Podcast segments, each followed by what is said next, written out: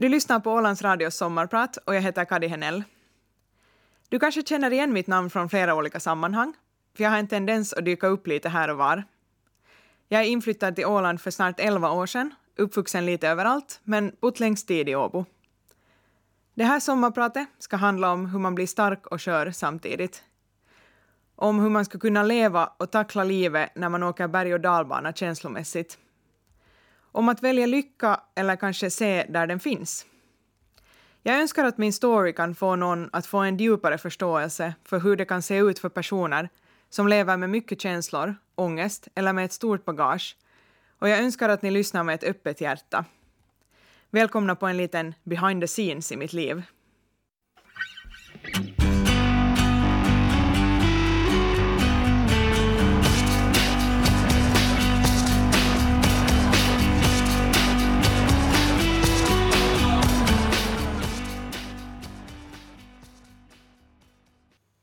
Där hörde vi Close My Eyes av Manic Street Preachers som var ett av mina absoluta favoritband från min ungdom.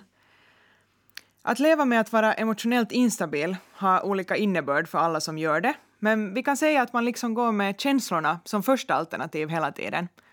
Man reagerar innan man tänker, och det är så man funkar. Alla människor har känslor, men vårt sätt att hantera dem formas redan som barn, beroende på hur vi blir mottagna när vi visar dem. Bakom en känsla finns alltid ett behov som behöver stillas. Barn börjar med enkla behov som hunger, sömn, smärta, men behoven blir allt fler. Att få vara självständiga, att få vara ledsna, glada, arga, besvikna. Det är viktigt att stanna upp och ta in barnens känslor och istället fråga dem hur det känns och vad de tänker. Vi vill ofta ge goda råd eller avstyra känslor. Var inte arg, gråt inte. Istället för nu sätter vi oss ner och är ledsna tillsammans en stund.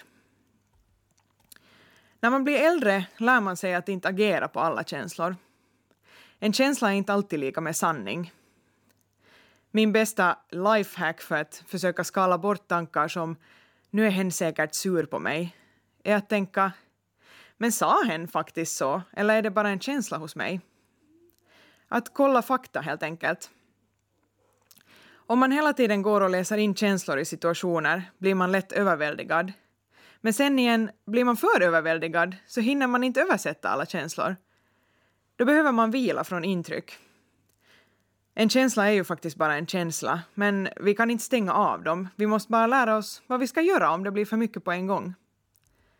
Tyvärr så formar livet en till att inte vara så öppen med hur man mår och även jag har svårigheter att visa mig svag inför andra. Diagnoser gör inte att man är sämre på något sätt, tvärtom. Man har ju sina bra sidor som man lever på och som gör det lättare att tampas med all skit. Jag har fått mina diagnoser ganska sent. Det är oftast svårare för flickor eller kvinnor att få en diagnos. Flickor är bättre på att anpassa sig socialt och gömma sina svårigheter och smälta in. Därför är det svårare att få rätt diagnos och alltså rätt hjälp. Så att få rätt diagnos som vuxen är svårt, för då har man redan byggt upp så många mallar om hur man ska hantera saker och ting, oavsett om de är bra eller dåliga. Och ja, såklart så skulle jag få välja så skulle känslohantering vara ett ämne i skolan, för att grunden till varför folk mår så dåligt bottnar ofta i just det, att man inte kan hantera sina känslor.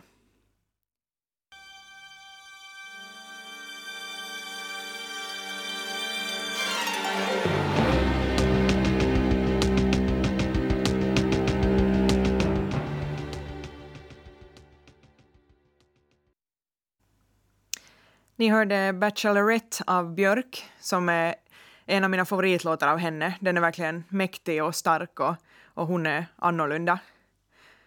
För att förstå min bakgrund lite så ska jag berätta lite om min uppväxt. Jag har alltid varit omgiven av människor som älskat mig. Min farmor och farfar barnvaktade mig som liten och redan som spädbarn slussades jag mellan mammas jobb och dem för att bli ammad i operans korridorer, var mamma jobbade då. Min hemmafamilj består av mig, mamma, pappa och min lillebror. Mamma var frilansande scenograf. En scenograf är alltså den som planerar hur scenen ser ut i en pjäs som teater eller opera. Blundar jag så kan jag se framför mig hur jag trippar ner för trapporna till mammas arbetsrum och beundrar hennes fantastiska små modeller av scenen från den produktion hon håller på med just då. Skrivbordslampans sken, den varma doften av tyger, limpistol och olika material. Mamma och jag har alltid varit väldigt nära och kunnat prata om allt. Pappa är en intelligent mångsysslare av rang. Allt från intendent på konserthus till kompositör, till tenniscoach och till mental tränare. Vi är lika envisa, båda två, men eh, han har alltid fått mig att tro att jag kan bli vad jag vill. Mina föräldrar har alltid stöttat mig och verkligen försökt hänga med i mina svängar. Min lillebror är tre år yngre, han är intelligent, humoristisk och kreativ och vi har alltid kommit bra överens.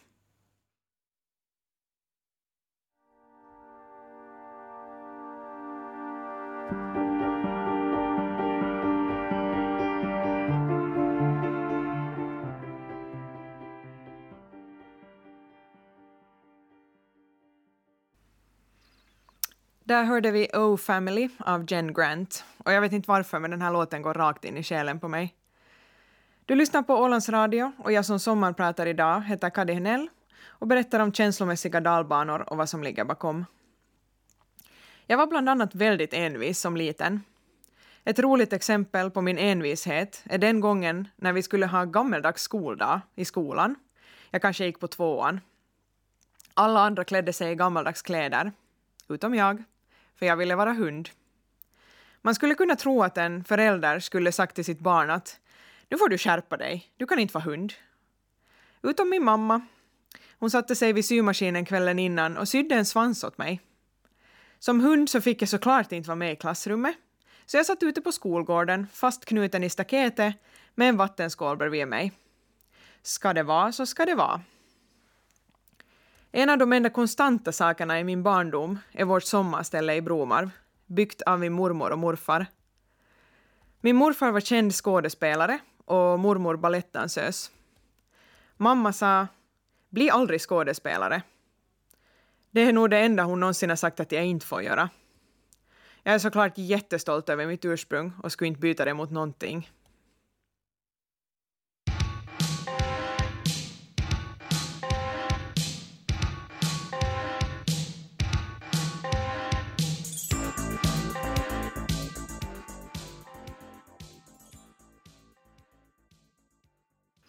Där hörde ni Everything Counts av Depeche Mode som jag lyssnade mycket på när jag var yngre. Envis men väldigt känslosam var det. Mamma har alltid sagt att hon aldrig kunnat gömma sitt mående för mig, för jag såg igenom henne direkt. Fick också lätt känslo-overloads av olika slag. Det blev bara för mycket och jag kokade över. När jag fick reda på att de sålde kött i affären skrev jag brev till dem där det står, när det stod “Man får inte döda djur” stavade ju inte rätt såklart. När vi skulle flytta från Sverige tillbaka till Finland planerade jag att rymma hemifrån. Jag hade planerat precis vad jag skulle ta med mig, skulle låsa mitt rum och ta mitt favoritgosedjur, men jag fegade ur i sista minuten. Vi har flyttat en del, men också bytt skolor. Född i Lahtis, sen flytt till Sverige, där jag gick från dagis till årskurs tre, kom in i Adolf Fredriks musikklasser i Stockholm men han bara går där ett år innan vi flyttar tillbaka till Finland. Jag kan berätta att börja femman i en ny klass i ett annat land är minst sagt läskigt. Det var som att en del av mig stängdes in och stängdes av och kanske tonades ner. Det blev liksom fler känslor på insidan än på utsidan. För att skiljas från allt ofta sätter sina spår.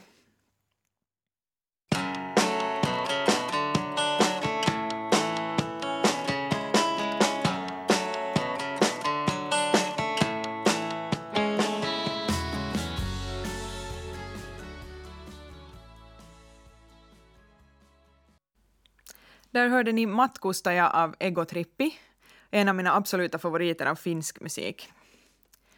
Jag och min lillebror spenderade mycket tid hos mina farföräldrar. Jag älskade dem väldigt mycket. Farmor är före detta lärare och farfar rektor, så det var lek med mycket lär hela vägen. Min farmor miste sitt första barn, som dog i hennes famn efter födseln. Jag tror att jag blev dottern hon aldrig fick och fick fylla upp de skorna. Hon behandlade mig alltid som att jag var äldre än vad jag var på något sätt. Jag minns när min morfar, den kända skådespelaren som hon också såklart beundrade, låg för döden frågade hon mig, som då var tio år gammal, varför han inte hade sagt att han var sjuk och varför man inte fick komma och hälsa på honom. Jag bar detta ända in i hjärtat. Hur skulle jag veta det? Han var för övrigt väldigt stolt och kunde inte visa sig svag inför andra. Hon var ofta besviken på andra människor. Om hon blev arg på pappa så blev jag också arg på pappa. Sen ledsen, för jag ville ju inte pappa illa. Jag var svampen i mitten som sög åt mig allas känslor. I efterhand har jag förstått henne mer, hur hon också varit tvungen att stänga av känslorna tills de bara bubblade över. Kriget har ju satt sina spår och jag tror att det fortfarande syns i sättet våra far och morföräldrar och deras föräldrar bara fortsatt bära på alla jobbiga minnen. Till näst kommer ni att höra Kate Bush med Cloudbusting. Pappa är den som har introducerat mig till Kate Bush från första början och det är jag evigt tacksam för. Hon är en fantastisk artist och förebild, en av sina tids första kvinnor som bara körde på och gjorde sin grej utan att en massa män som skulle blanda sig i.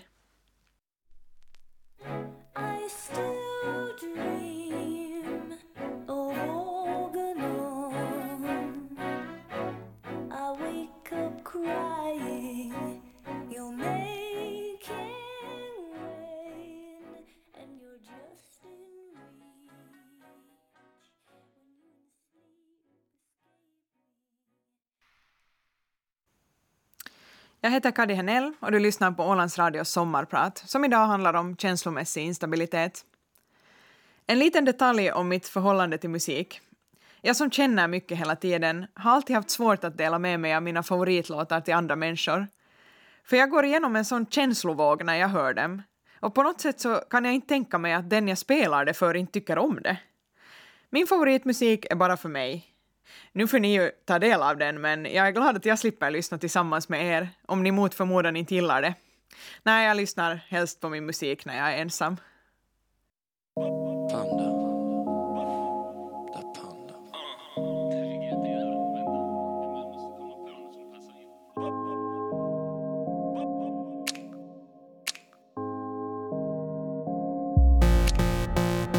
Blända mig med smyckena från dina fingrar Även om de saknar en ring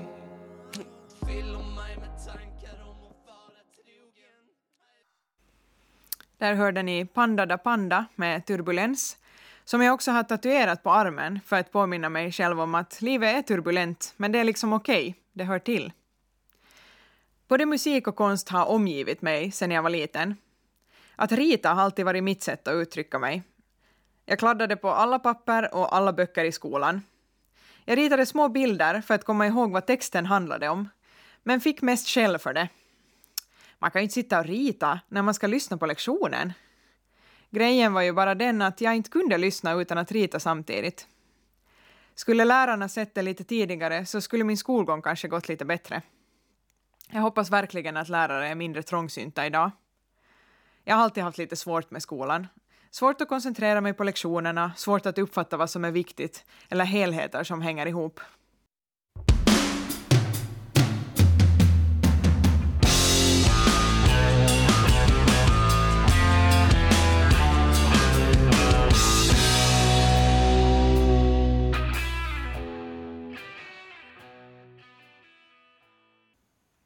Och där hörde ni Caravel med Greta Van Fleet, en relativt ny låt som jag har hittat och gillar. Tillbaka till mina livskapitel. Tonåren. Hos mig har alltid känslor varit som en egen kännande, tänkande enhet. Något väldigt stort att tappa bort sig i, något som gjort beslut, som gjort mig överväldigad, som jag ibland nästan vaknat upp ur, som att jag varit berusad. Mina vänner har alltid varit de som fått mig att hålla någon slags riktning, och tro på att jag har en egen sanning att följa. Bland annat två av mina bästa vänner. Vi mådde såklart alla skit i högstadiet och trots att dåligt mående gör att man verkligen sugs in i varandras känslor så var det också med dem som jag upplevde all glädje. Att ha vänner som är lika fritänkande, känslointelligenta och knasiga har räddat mig och det är jag evigt tacksam för. Utan dem så hade jag aldrig klarat den största chocken. Jag kallar honom ännu mitt livs kärlek för jag förlorade mig i honom. Hur kunde en sån som han ens titta åt mitt håll? Vi blev så där kära som man bara blir när man är ung och kan släppa allt. Han sjöng kärlekssånger och tittade på mig samtidigt när vi gled runt i hans taunus.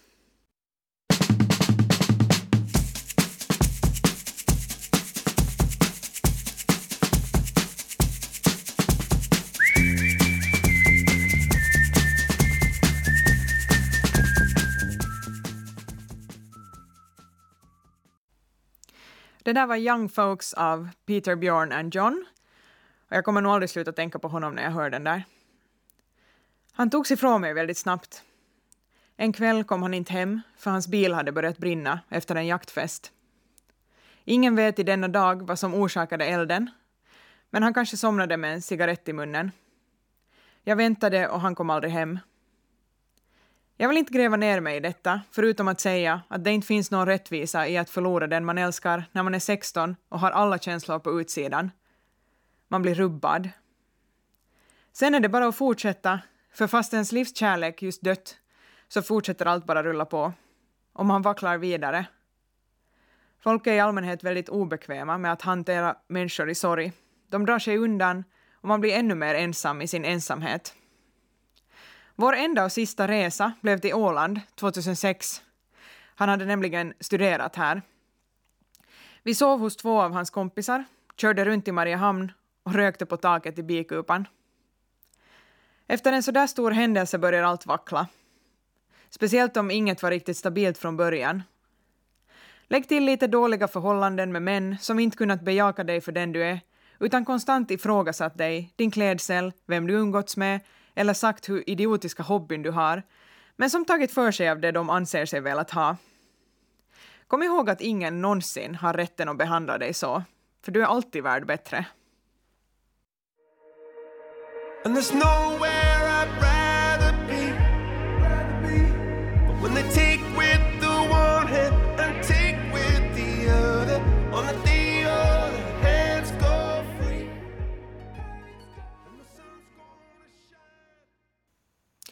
Det där var låten ELO av en massa olika artister, bland annat Los Unidades. Jag vet inte, men den här låten får mig att känna att jag vann. Lyssnade mycket på den här efter att ha avslutat ett destruktivt förhållande och kände att nu fan ska solen skina på mig igen. Jag heter Kadja Nell och du lyssnar på Ålands Radios sommarprat som idag handlar om känslomässig instabilitet. Det kanske finns en liten mening med varför jag sökte mig till denna förtrollade ö. Mina första år här sporrades av energin man får av att börja om på nytt. Jag som aldrig riktigt haft rötter någonstans hade plötsligt egna. Den euforin höll i sig och jag levde ut mina förlorade år.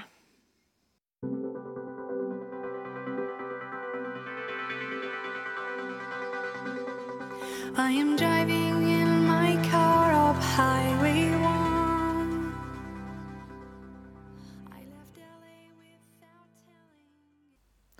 Det där var Alanis Morissette med Giggling again for no reason. Jag lyssnar mycket på den här när jag nyss flyttat till Åland. Den får mig att känna mig levande och att jag verkligen vill leva. Men man kan inte springa ifrån sina spöken, märkte jag under min utbildning till mental tränare, där vi gjorde många avslappningsövningar. Och så fort jag slappnade av dök demonerna upp och ville ta kontrollen. Jag måste sätta mig ner med dem och diskutera hur de ska bete sig i mitt liv, inte låta dem ta över. Jag lät dem sippra in i alla förhållanden ända tills jag insåg att jag behövde hjälp. Massor av hjälp. Två diagnoser som jag fått. PTSD och bipolaritet typ 2. PTSD, alltså posttraumatisk stresssyndrom, betyder att man upplever ångest och stress av händelser som skett. Ett tag hanterade jag inte ens att åka buss långa vägar utan att bli överväldigad av alla känslor. Jag gillar fortfarande inte att resa, men idag går det bättre. Jag klarar inte av när folk inte svarar i telefon eller om jag måste vänta på att någon ska höra av sig, speciellt mitt i natten. Idag vet jag ju vad allt beror på, men känslan är lika färsk varje gång jag sätts i en sån situation. Bipolaritet är ärftligt och delas in i bland annat typ 1 och typ 2. Typ 1 har längre maniska episoder och längre depressiva, medan typ 2 har så kallade hypomana episoder, som är kortare. När man är hypoman snurrar jorden i 190, Plötsligt kan man få saker gjorda som man skjutit upp hur länge som helst, men det är alltid på bekostnad av att man rasar när speedandet går över till normalläge. Kroppen går liksom in i ett överslagsläge. Som tur så har jag inte haft något skov på länge nu.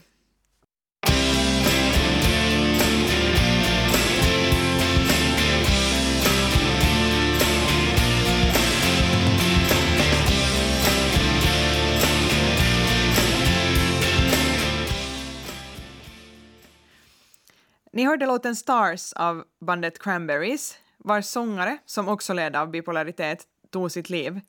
En påminnelse om att bipolaritet är en allvarlig sjukdom. Jag kommer ihåg första gången jag tydligt märkte att jag speedades upp och tappade kontrollen. Det var i början av ett år, för kanske fyra, fem år sedan. Jag hade mått väldigt dåligt i slutet av året, orkade inte träffa någon.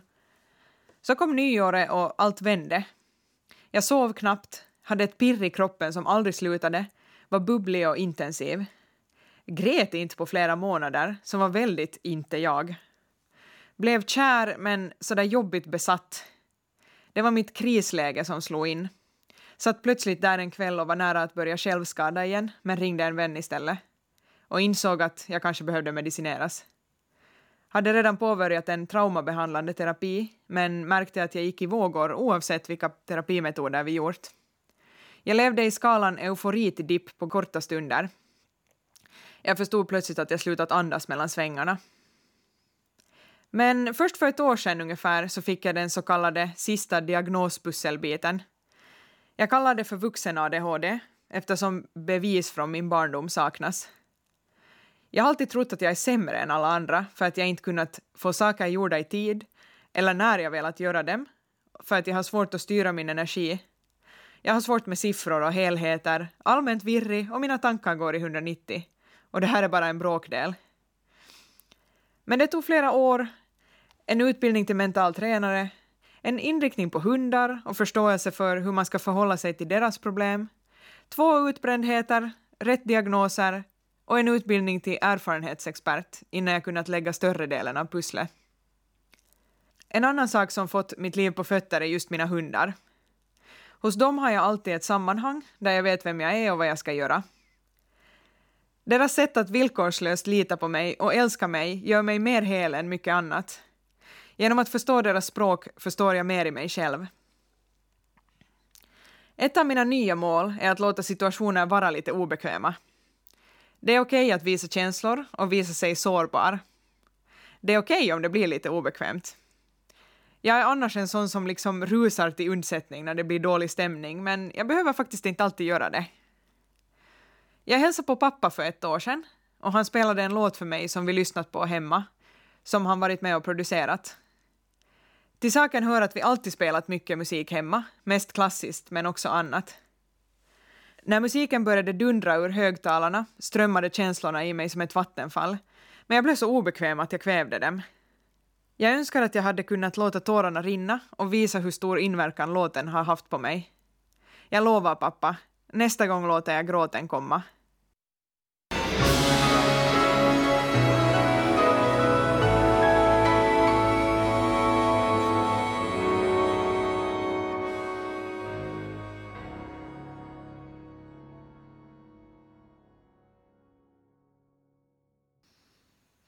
Det här var just den låten jag pratade om. Stenmannen av Eva Dahlgren. För att knyta ihop det här handlar det om att erkänna för sig själv att man inte klarar allt själv. Det är okej okay att be om hjälp för att sen kunna vara den bästa versionen av sig själv.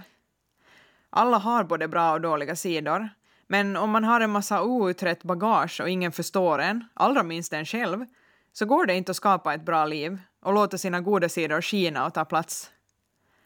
För mig är det ett eller flera jobb som passar mig och mitt huvud som går igång på speed men bränner ut mig lika fort om jag inte hejdar mig. Mångsidighet, omväxling och ett stöttande team. Rätt sorts terapi, som till exempel DBT, som jag går just nu, som fokuserar på känslohantering och att se skillnad på känsla och tanke. Jag väljer nu att vara med sådana människor som älskar mig för den jag är, som min kära sambo som jag verkligen kan vara mig själv med, som ger mig plats att reagera om jag behöver. Jag söker mig inte längre till kaos. Jag är villig att acceptera att jag är så pass ärrad som jag är, precis som alla andra som lever med till exempel kronisk smärta. Man kan välja om man vill att smärtan ska definiera sitt liv eller inte, och jag kämpar för att den inte ska göra det. Jag är mest lättad och glad över att jag mår och funkar så pass bra idag med tanke på hur allt har varit. Jag hoppas att någon har känt igen sig, eller kanske känt igen en väns eller släktings beteende och kanske fått en liten aha-upplevelse eller modet att berätta åt någon om sitt eget mående. Alla som mår dåligt bär på någonting. Det finns inga rätt och fel känslor så länge man bemöter andra med öppet hjärta och lär sig ta ansvar för sina egna känslor. Känslor är faktiskt färskvara.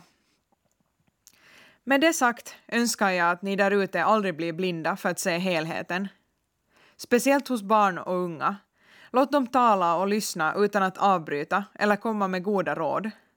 Ta dem på allvar, för deras stora känslor är precis lika viktiga som era. Och döm inte folk som är annorlunda. Det är vi som är kryddan i den gråa massan.